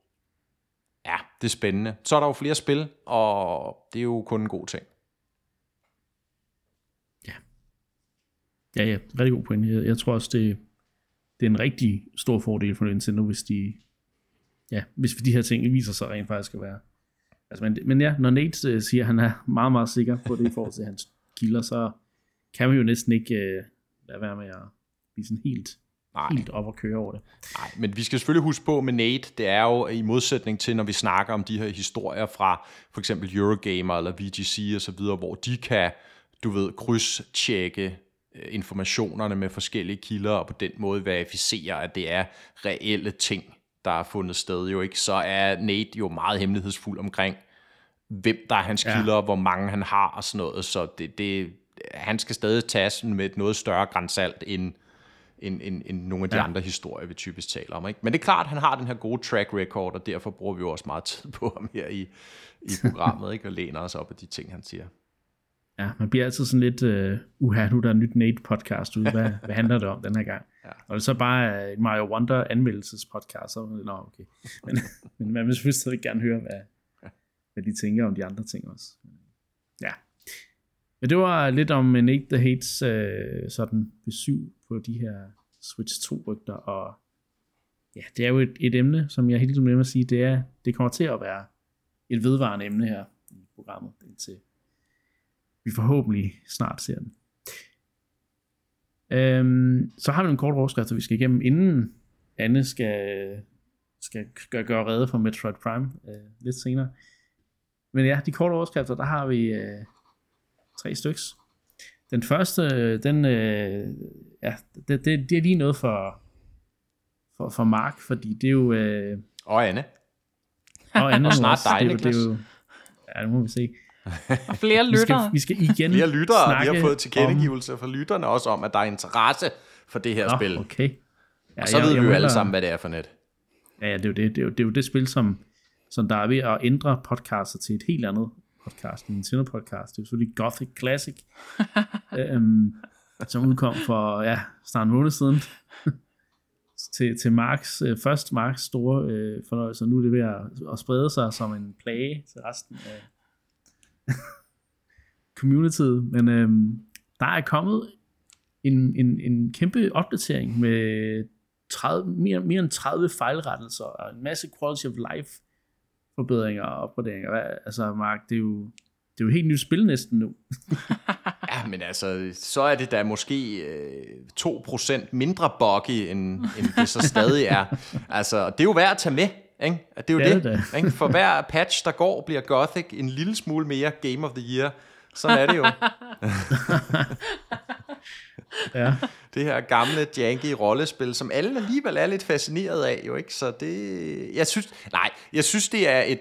Jeg, jeg synes det reelt set, det er et meget positivt tegn jo, at man jo. går ud og, og supporterer det her spil post-launch, fordi der er rigtig mange af de der gamle remakes, der bliver bragt op til Switch og sådan noget, hvor at så bliver de bare dumpet på maskinen, og så tjener man måske nogle penge på det lille niche-publikum, der kunne, øh, der kunne tænke sig at spille ja. det, og that's it. Ikke? Jeg synes det, at man går ud allerede med en, en, en patch, og det er jo ikke fordi, altså de havde jo lavet masser af forarbejde, inden de launchede spillet, jo ikke, hvor de havde forbedret rigtig, rigtig mange. Altså der var jo altså sådan noget 500, jeg tror det var over 1000 fejl engang, jeg læste, at de skrev på Twitter. Over 1000 bugs havde de rettet for den originale Gothic PC release fra 2001. Ikke? Altså havde de rettet til Switch-udgivelsen her, ikke? Men øh, de bliver altså ved her efterfølgende, sikkert fordi de også måske har noget ny data, eller fået noget feedback på, hvilke nogle ting, der stadig ikke fungerer helt optimalt, måske også specifikt for Switch-versionen, det ved jeg ikke, der kan jo godt være introduceret nogle nye ting i den. Men altså, øh, at de går ud og patcher den, ah, det synes jeg er positivt, det er stærkt, og det lover godt for, at Gothic 2, det er jo lige om hjørnet, det kommer her i november allerede, så har vi altså to klasse old school RPG's, der kæmper side om side om titlen at... som Game of the Year. Lad os se, om de kan nå at komme med til Game Awards og tage et full sweep. um, ja. er, er, der, ja. er der egentlig, altså kommer der et Gothic hver tre? Hvad, hvad, hvor langt er det nået i rækken? Jamen, Gothic 3, det findes også. Det er fra okay, 2005-6 så... stykker eller sådan noget, men, som men, jeg husker det. Men har, altså, er der noget nys, om der kunne komme en fire, så siden de er så aktive med at genudgive oh, det? Men det er lidt kompliceret med det, Anne. Nu, nu, nu trykker du lige på en knap der, ikke? fordi at, øh, det er jo noget med, at serien senere er blevet afhændet til nogle andre udviklere, og så har de originale udviklere lavet en ny serie, der hedder Risen. Den har du måske hørt om øh, ja. som der er vist to spil af. Jeg kan snart ikke huske det, og så er der vist også et nyere spil, der hedder Elex, som er, ja, de er sådan lidt tvivlsomme, nogle af de der nyere, som om de aldrig rigtig har kunne genfinde magien fra især de to første Gothic-spil. Men det der i hvert fald er, det var jo, som du sagde, at de arbejder jo på en, øh, en remake. Det er så igen heller ikke de originale udviklere godt nok, øh, men der arbejdes jo på et reelt remake af Gothic. Det første. Yes. Og det må vi se. Det er jo ikke annonceret til Switch. Hvem ved, det kan være, at det bliver annonceret Endnu. til Switch 2. Ja. men, øh, men altså, prøv at høre her. Glem det. Glem det remake. Ikke? Gothic Classic, det er der, det sner. Det er om at komme i gang med det samme. 30 nye fejlrettelser, adskillige quality of life opgraderinger. Der har aldrig været et bedre tidspunkt at spille Gothic på end nu. Det er det, ikke en reklame-podcast. det, det var både sandt og forkert på samme tid. Ja, sådan er der også så meget, ikke? Ja, vi går ud i øh, til den næste korte overskrift. Og se, hvor korte de, de overhovedet når at blive. Øhm, men øhm, der er nyt for, øh, fra, fra Fred Spencer og Xbox og den her, og også i forhold til Call of Duty. Nu har de jo lukket aftalen og, og så videre, så Phil han er rigtig gået i gang med at snakke om planer for Activision Blizzard og så videre. Og øhm, han har været ude at sige, at fremover øh, vil Call of Duty have, øh, altså være, øh, have paritet på alle platforme, inklusive Nintendo-konsoller, øh, øh, når de her nye Call of Duty-spil i fremtiden bliver bragt til, altså, han har, de har lavet aftaler om, at de skal komme til både Xbox, Playstation og Nintendo i hvert fald de næste 10 år. Øhm, så, øh, og, og så, er der, så er der det her med, at indhold før i tiden har, har været meget sådan forskelligt, øh, sådan noget day one, og øh, der har været noget med noget eksklusivt indhold til Playstation, der, fordi de har købt, ligesom købt sig ind på det, og noget timed exclusivity på nogle ting. Og det vil Phil Spencer simpelthen gøre op med nu. Det skal fra fremtiden af være det samme på alle øh, konsoller. Og han har ligesom udtalt øh, her, der har han engelsk, engelsk citat fra ham, så vi kan komme lidt mere ind på, på hvad der menes her. Han siger, For Call of Duty players on PlayStation and in the future Nintendo, I want you to feel 100% a part of the community. I don't want you to feel like there's content you're missing out, skins you're missing out, there's timing that you're missing out on. That's not the goal. The goal is 100% parity across all platforms as much as we can for launch and content. I say as much as we can on parity because clearly some platforms have resolution and frame rate differences just based on performance, but there's nothing else. Så altså, understreg igen, det er, han, det er primært indhold øh, i forhold til skins og øh, DLC og den slags, han snakker om. Øhm, og så vil jeg også ikke være overrasket, hvis der stadig kom Day One DLC og alle de her øh, ja, ja, ja. ting, man kan købe osv., men det vil så være det samme, du kan få til alle platformer. Det er jo øh, stadigvæk, synes jeg, en, en, en, en, en, en cool, et cool koncept. Og Mark, jeg ved jo, du er jo lidt en Phil Spencer fanboy. Er, du, ja. er, du, er det bare endnu mere sådan, uha, sikke en... Ja. Se ikke en god ting. Jamen, jeg ved selvfølgelig, har de committed sig til at gøre det her som en del af at få lov at købe Activision Blizzard. Ja. Og på lang sigt gør jeg mig jo stadig heller ikke nogen naiv forestilling om, at Call of Duty ikke en dag, dag bliver Xbox eksklusivt, når de ligesom kan trække sig ud af den aftale. Øh, ja. altså selvfølgelig, okay, okay, okay, det fik jeg måske sagt lidt for hurtigt, men altså i forhold til, hvad der sker på spilmarkedet helt generelt, for det er klart, de tjener mm. jo styrten med penge med at udgive Call of Duty på Playstation, og vil sikkert også kunne gøre det på Nintendo. Men hvis Xbox bliver stort nok, jamen så vil de jo selvfølgelig bruge den franchise også, ligesom de bruger mange af de andre ja. franchises, til ligesom at presse konkurrenterne Sony og Nintendo endnu mere, ikke? Og, og trække Call of Duty væk fra de platforme. Nå, men det er først om lang tid. Og indtil da, der siger han, ja, der vil være total paritet, der vil ikke være nogen forskel andet end noget, der måske kan tilskrives performance-forskel på de forskellige maskiner. Ikke? Øhm, og der kunne jeg godt forestille mig, at der alligevel vil være lidt. Og måske ja. vil de ikke gå 100% på at, at sikre, at for eksempel PlayStation 5 og Xbox Series X versionen, der, der, der, jeg tænker, det er sandsynligt, at Xbox-versionen den lige får en lille edge på opløsningen. ikke? Så alle de her, når Digital Foundry, alle de her tech-analytikere, de laver deres reviews, så kan de se, ah, den er lige 5% skarpere på Xbox. Ikke? Ja. det, øh, det men altså, det. Ja. ja, jeg vil ikke være overrasket. Nej, men, men, men altså, ellers så synes jeg jo igen, han, han taler sådan meget inkluderende, som jo han har fået for vane, og det her med, at det, det skal være godt at spille, uanset hvilken maskine man har og sådan noget. Det er jo ting, jeg ja. godt kan lide at høre. Så ja. Classic Phil Spencer. Ja, det må man sige. Ja. ja. Så øhm, jeg, jeg glæder mig også bare til at se uh, ja, Call of Duty på, på Nintendo. Uh, og det bliver jo selvfølgelig mere uh, relevant, når vi kommer til næste generation, må man sige. Så, så ja.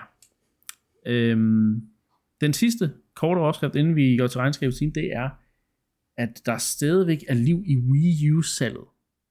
Fordi i september i USA, i september måned i USA, blev der solgt en ny Wii U. Hvad laver den ene person? Ja, det, de har, det, er jo, det er jo det genistreg at købe en... Men, øh, men ved du hvad, Niklas? Det er det faktisk. Fordi mm. den maskine, den ender med at blive penge værd. Det ved vi jo. Ikke? Kæmpe ja, det fiasko, øh, ingen kunne lide den, ingen købte den, den bliver sjælden, der er ikke så mange maskiner i omløb, der er ikke blevet produceret særlig mange. Der er også alle de her ting med gamepadden og så videre, den er meget unik, så hvis den går i stykker, kan man ikke sådan rigtig bruge resten af maskinen. Alle de her ting. Så en eller anden dag, ham, der har købt den der ene enhed, og hvis han er rigtig klog, så lader han jo være med at pakke den ud. Han holder den sealed, hvis den der også var en af de hvide maskiner, som er ekstra sjældne, han har fået ja. fat i. Jamen, det er en genistreg, som du siger. Fuldstændig genistreg. der er, pensionen den er hjemme der. Men, Sådan er men det. hvis han er ligesom mig, som der var ved at have den med i sin uh, top 3 i Hall of Fame over bedste Nå, ja, ja.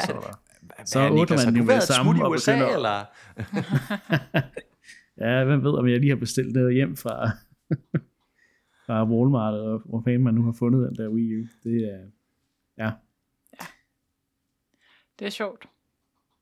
Det er det. Men øhm, jeg siger, det er jo ikke meget gang i den, der er i det Wii U-salg, men øh, en ny enhed er der bedre end 0. Øhm, så det var bare den sidste meget korte overskrift. Og nu er vi sådan set øh, klar til det sidste segment for i dag, det er regnskabets team. Anne har spillet Metroid Prime Remastered. Ja.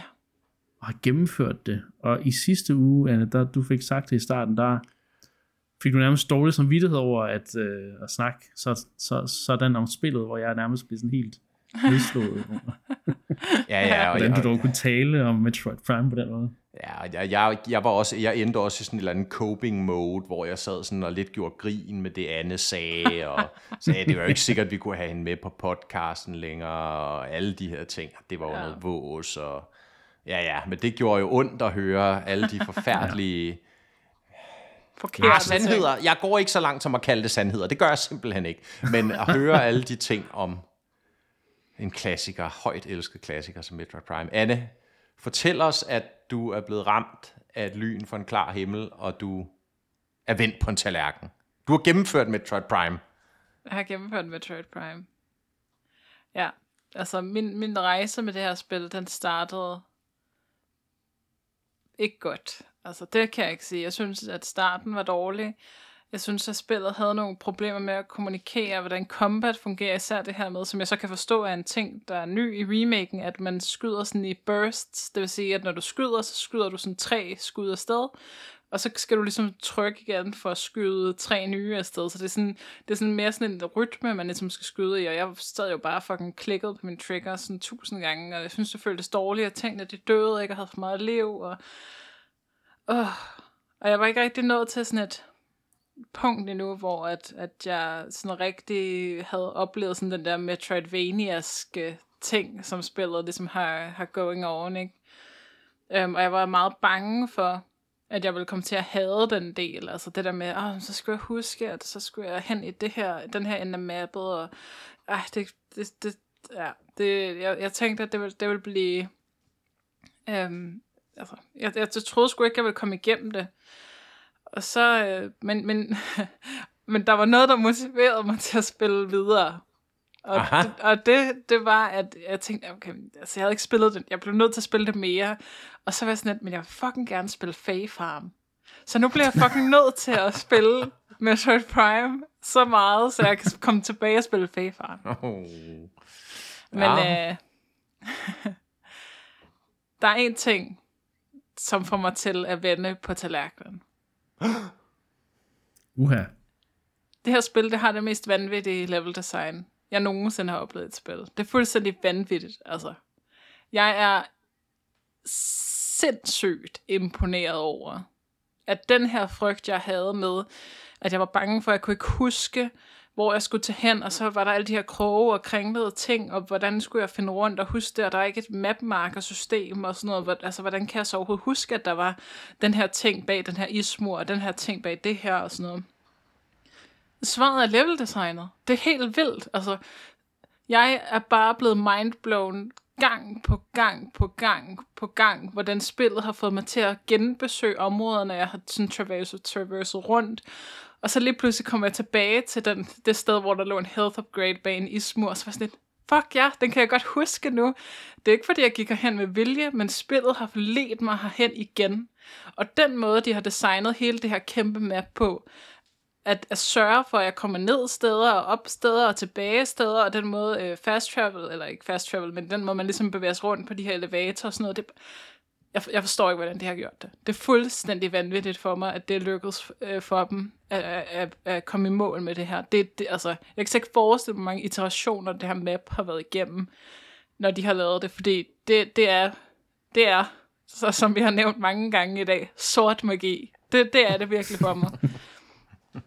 øhm, der er stadig en masse ting, der frustrerer mig ved at spille spil. Jeg synes, øh, jeg, jeg, det var som om, at det er et gammelt spil, og, og, der, og jeg kan også godt altså, sådan, se forbi nogle af de ting med, det er lidt janky og sådan noget, på nogle ting. Altså, det er jo stadig øh, rimelig, rimelig solidt, ikke? Men, men, men jeg synes, det, der kom lidt mere gang i det, så når jeg fik nogle af de bedre våben, som de så ikke kommunikerer bedre, men det kunne jeg så ligesom observere, okay, den lille beam er bedre end den gule beam, og den røde beam er bedst.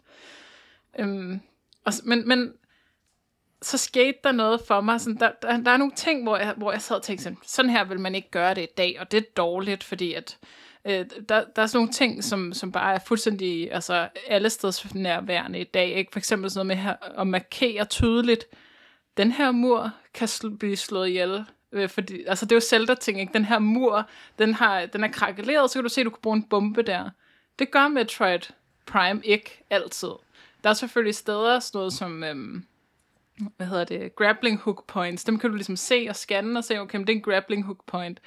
Men så er der sådan nogle underlige steder, som bare ligner sådan lidt, der ligger noget, altså sådan, banen er gået lidt i stykker, ikke? Der ligger noget rubble og sådan noget, ikke? Og så finder man ud af sådan, okay, det, det kan jeg så springe i luften på en eller anden tidspunkt. Det er ikke markeret, der er ikke noget gul maling på, eller, eller hvad man vil se i nu til dags. Ikke? Vil der jo altid være gul maling på sådan en ting, du kan eksplodere. Ikke? Den, den går ligesom i et med omgivelserne. Ikke? Det er jo mere realistisk på den her måde, men du vil ikke gøre det sådan i dag. Og jeg kan ikke finde ud af, om jeg synes, det er ret nice. Altså, altså hvorfor skal det være nemt at finde sådan en ting? Altså, er det ikke, er det ikke også fint nok, at man ikke kan finde den? Det, det er sådan en større diskussion, jeg har haft for mig selv i den her uge. Sådan de her... Men Anne, det er jo derfor, du skulle bruge scanneren. Jeg sagde det også til dig i sidste uge.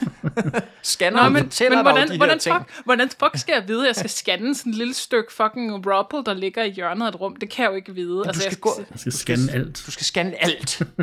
ja, men, men, men, men det er ikke, fordi jeg ser det et problem. Altså, fordi ja, jeg, jeg, jeg er jo kommet igennem, jeg har fundet det hele.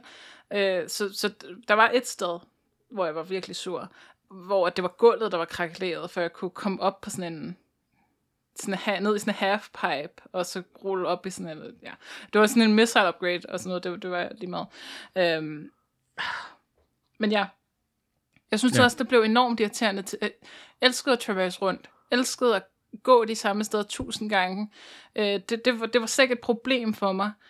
Det blev så et problem, når de begynder at spawne sådan nogle øh, high level fjender, der tager tusind år at slå ihjel, ja, og, ja, og, og Metroid ja. til 10 forskellige farver, jeg skal skifte gun tusind gange og sådan noget. Det, det kan jeg ikke lide. Det, det synes jeg bliver for meget. Jeg synes, det havde en meget god balance, også fordi, at jeg synes ikke, det gør noget, at når du skal igennem sådan et her spil, at du kan fornemme, okay, nu går jeg tilbage til område 1, der er fjenderne lette igen, og så får du, har du en anden reward af sådan, se hvor powerful jeg er blevet, ikke? Altså, så skal de ikke putte, mm. fylde de områder med Metroids til sidst, der er super hardcore, og skal slås ihjel med, med hele regnbogens farver af laserstråler, ikke? Uh, så, så der er nogle ting, hvor det, det tænker jeg ikke, man vil gøre i dag, men, men altså, ja. Jeg vil sige, jeg, jeg, jeg er blevet fuldstændig besat af det her spil. Jeg har hørt, altså soundtracket er fuldstændig, altså vanvittigt godt. Det er helt vildt, hvor godt soundtracket er. Jeg har hørt det alle dage, siden jeg blev færdig med at spille det på arbejdet. Bare fordi jeg skulle Fedt. høre det igennem. Jeg var næsten glad, hver gang jeg skulle ned i den der forfærdelige, ellers hvad man ellers kunne synes var en forfærdelig undervandssektion, ikke? Jeg gik glædeligt igennem for at høre det soundtrack hver eneste gang. Jeg var slet ikke sådan, ej, hvor nede jeg er hernede, fordi jeg var sådan, yes, så skal jeg ned og høre musikken fra undervandsbanen. så øhm, ja. Ja. ja, jeg, jeg må sige, at øhm, der er to spil, som jeg ikke har kunnet slippe, jeg har spillet i år, efter jeg blev færdig med dem. Og, og et af dem, det er Metroid Prime. Det kommer jeg til at tænke på i lang tid. Huha. Nå, men så kan jeg, nu er alting godt. Ja, så kan Anne godt, godt fortsætte som vært på Endcast. Det var dejligt. altså, det er jo mange af de ting, du nævner som værende de helt store vinder. Det er jo, det er jo mange af de ting, man, man altid har været, været glad for i det spil. Især også altså musikken og den stemning, som, man har, når man er rundt alene på den her planet. Øh, og, ja, så er der selvfølgelig også nogle af de der, de samme ting. Jeg har fandme også været irriteret over at skulle skifte gun tusind gange, når jeg skal nakke uh, Metroids i uh, Face on Mind, store fan der, ikke? Altså det ja.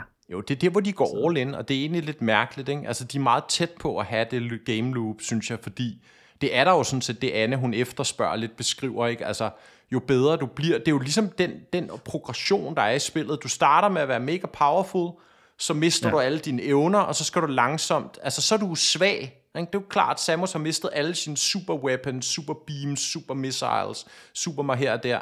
Hun er svag, ikke? så selv de der små øh, skodfjender, ikke? små biller, mm. insekter og alt muligt andet kravl, de skal lige have et par skud med, med, med, med plasma beam, eller hvad den hedder, den første, ikke? Først, ikke? Før, de, før de dør. Og så kommer man tilbage der 10 timer senere med... Øh, ej, det er så plasmabilen, man har til sidst. Ja. Hvad hedder den første? Pulse Cannon eller et eller andet. Oh. Men den røde gun, lava-kanonen, I ved, hvad for en jeg mener. Ikke? Når man kommer tilbage med den 10 timer senere, så er det jo vidderligt bare, det, det brænder bare alt væk af de der mm. små insekter, og det ja. føles bare mega godt at rende rundt der til sidst, og bare ja, brænde alting op, og smadre Space Pirates i to skud, ikke? eller et skud nærmest, et charged skud og sådan nogle ting. Men så er det, de sætter de der mærkelige encounters ind, ikke? hvor det lige pludselig, ah, skal det stadig være lidt svært og sådan noget, ikke? hvor det sådan, ah, men det, altså, det bryder bare sådan pacing, og det bryder den der backtracking og lysten til sådan, og også det der med fjenderne respawner, det kan jeg huske, det nævnte jeg også selv, da vi snakkede det, om remasteren det, tidligere i år. Ikke? Det er sådan, det, det, det de respawner bare, for ofte, ikke? Men det synes jeg bare ikke vil være et problem, hvis bare det, de ikke så opgraderer fjenderne til sådan nogle, jeg skal skøde lang tid på. Altså jeg synes egentlig, det er fint nok, der er en lille combat encounter for at switch, switch, switch things up, når du alligevel skal traverse igennem tusind rum. Mm. Altså det, det er fint nok. Og, og jeg synes også, det ville være fint nok, hvis de, altså, de svære områder, de mere late game områder, havde lidt svære fjender, ikke? men jeg kan ikke det der med, at de er der. Især de der uh, encounters, hvor du skal skifte beamen 10 gange. En Metroid, der først er en Metroid, og så bliver den til to forskellige farvede mm. Metroids bagefter. Den ja. synes jeg er den største sønder, ikke? og der er også de der uh, Space Pirates, eller hvad de hedder. Uh, som, som også har det der med farverne, og det er egentlig sådan fint nok, men, men jeg synes bare, det, det går lige, det tager lige lidt overhånd, og jeg får ikke lov til at føle mig powerful, fordi der skal være de her fucking Metroids til sidst. Men mm. altså, jeg synes, det er en mindre mm. detalje i, ja. hvad jeg må sige, er det det. Et, et fuldstændig mesterstykke i level design. Altså, ja. det, det kan ikke findes bedre. Og jeg ved ikke, om man vil kunne lave sådan et spil her i dag.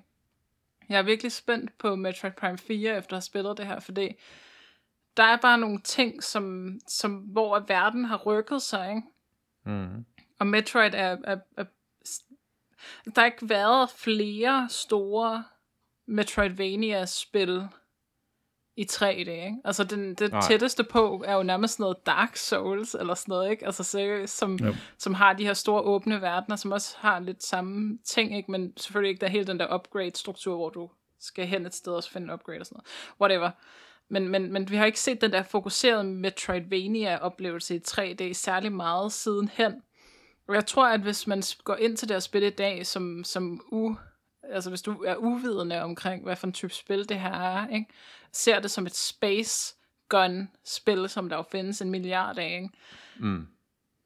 så tror jeg, du har svært ved at connecte med det her. Ikke? For, især fordi jeg synes ikke, at starten er så fed. Altså, jeg, der ville jeg i virkeligheden have ønsket, at den ikke var så linær, men på en eller anden måde præsenteret en mini-version, ikke? altså en Breath of the Wild tutorial i virkeligheden, ikke præsenterer en mini-version af Metroidvania til at starte med, i stedet for at lave den der, nu er du powerful, så bliver du weak, men du er powerful i et lineært område, og det du egentlig skal lære er jo at navigere i et komplekst netværk af 3D-levels, som du skal frem og tilbage og holde øje med detaljer og komme tilbage igen og scanne og sådan noget. Det, der synes jeg, tutorialen fejler faktisk lidt. Mm.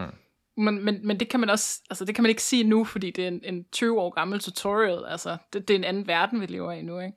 Øhm, men, men det er det, jeg vil sige, at jeg kan godt forstå, hvis folk har startet det op og tænkt, hvad fanden er det her for noget, fordi det er ikke et spil, der findes i dag, altså. Og det er jo det, der gør det unikt, men det er også det, der gør det til en spændende opgave, så at lave en moderne version af det her spil. Jeg glæder mig rigtig meget til at se, om de har puttet gul maling ud på alle ting, der kan eksplodere i det nye, eller hvad. Om det bliver ja. mere åbent, om det har den der upgrades for at komme videre et andet sted på mappet, eller hvad. Altså, hvor tæt en oplevelse bliver det på, på det her spil. Det bliver spændende. Ja. I sikkert. Kan du lige, øh, nu, nu synes jeg også, det er herligt at høre din kærlighed til musikken, Anne. Har du sådan en god top 3 bedste tracks for Metroid Prime? Kan vi lige få um, den skud for hoften?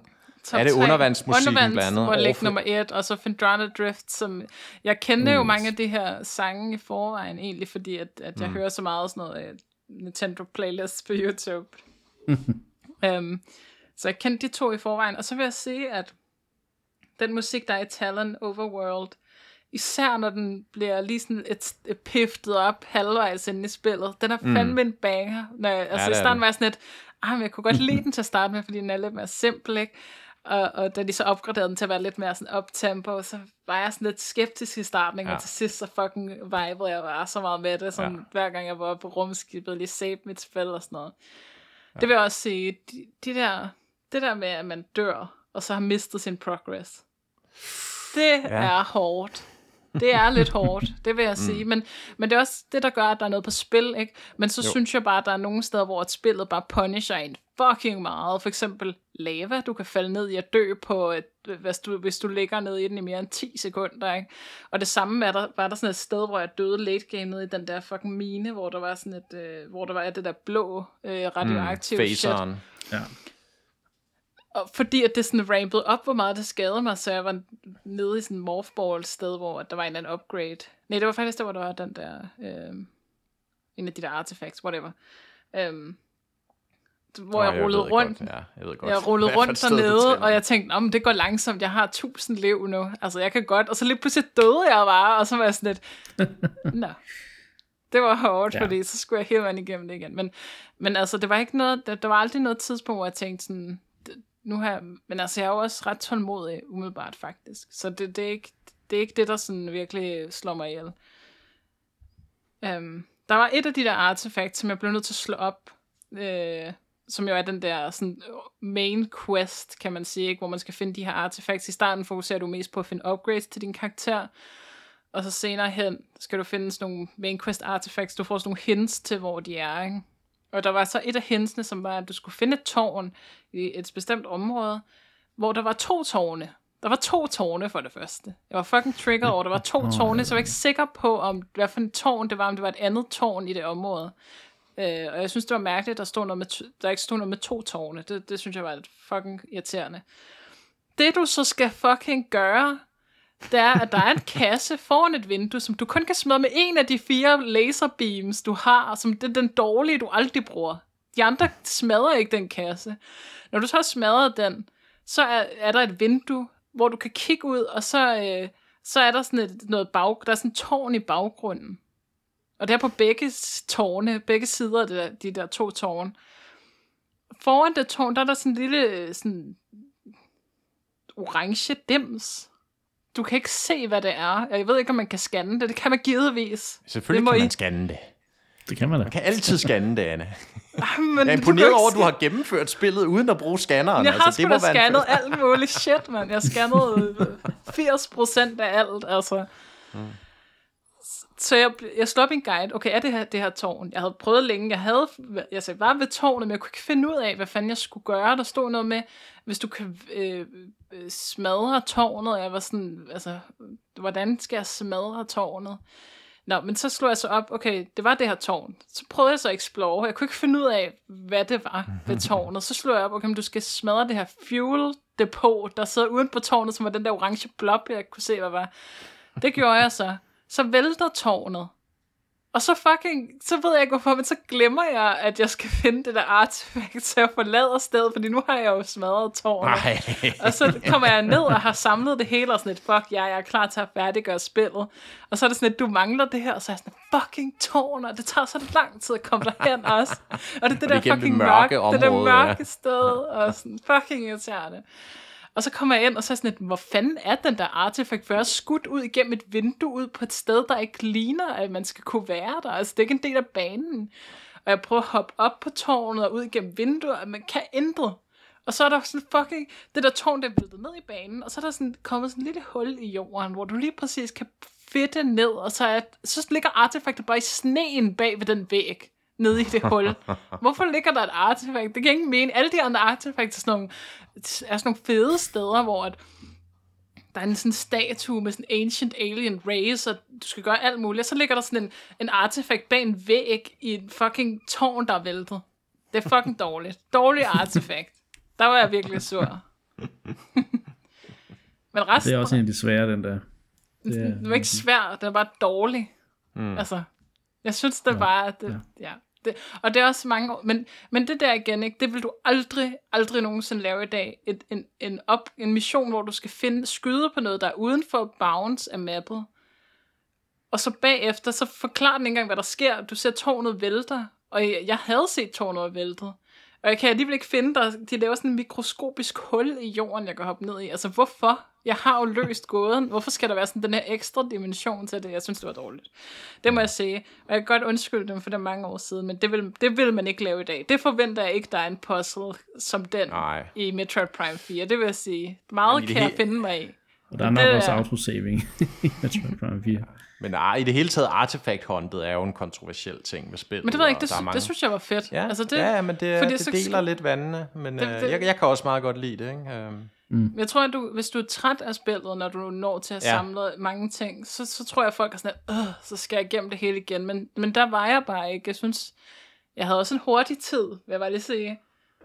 Ja, Ja, men det er det ikke, fordi Artifact Hunted, det fungerer lidt. Altså, jeg har altid set det som sådan en eller anden form for victory lab igennem mm. spillet. Ikke? Du, er blevet, du har fået alle upgrades, du er mega powerful, fjenderne de dør bare i et-to skud, for det meste i hvert fald.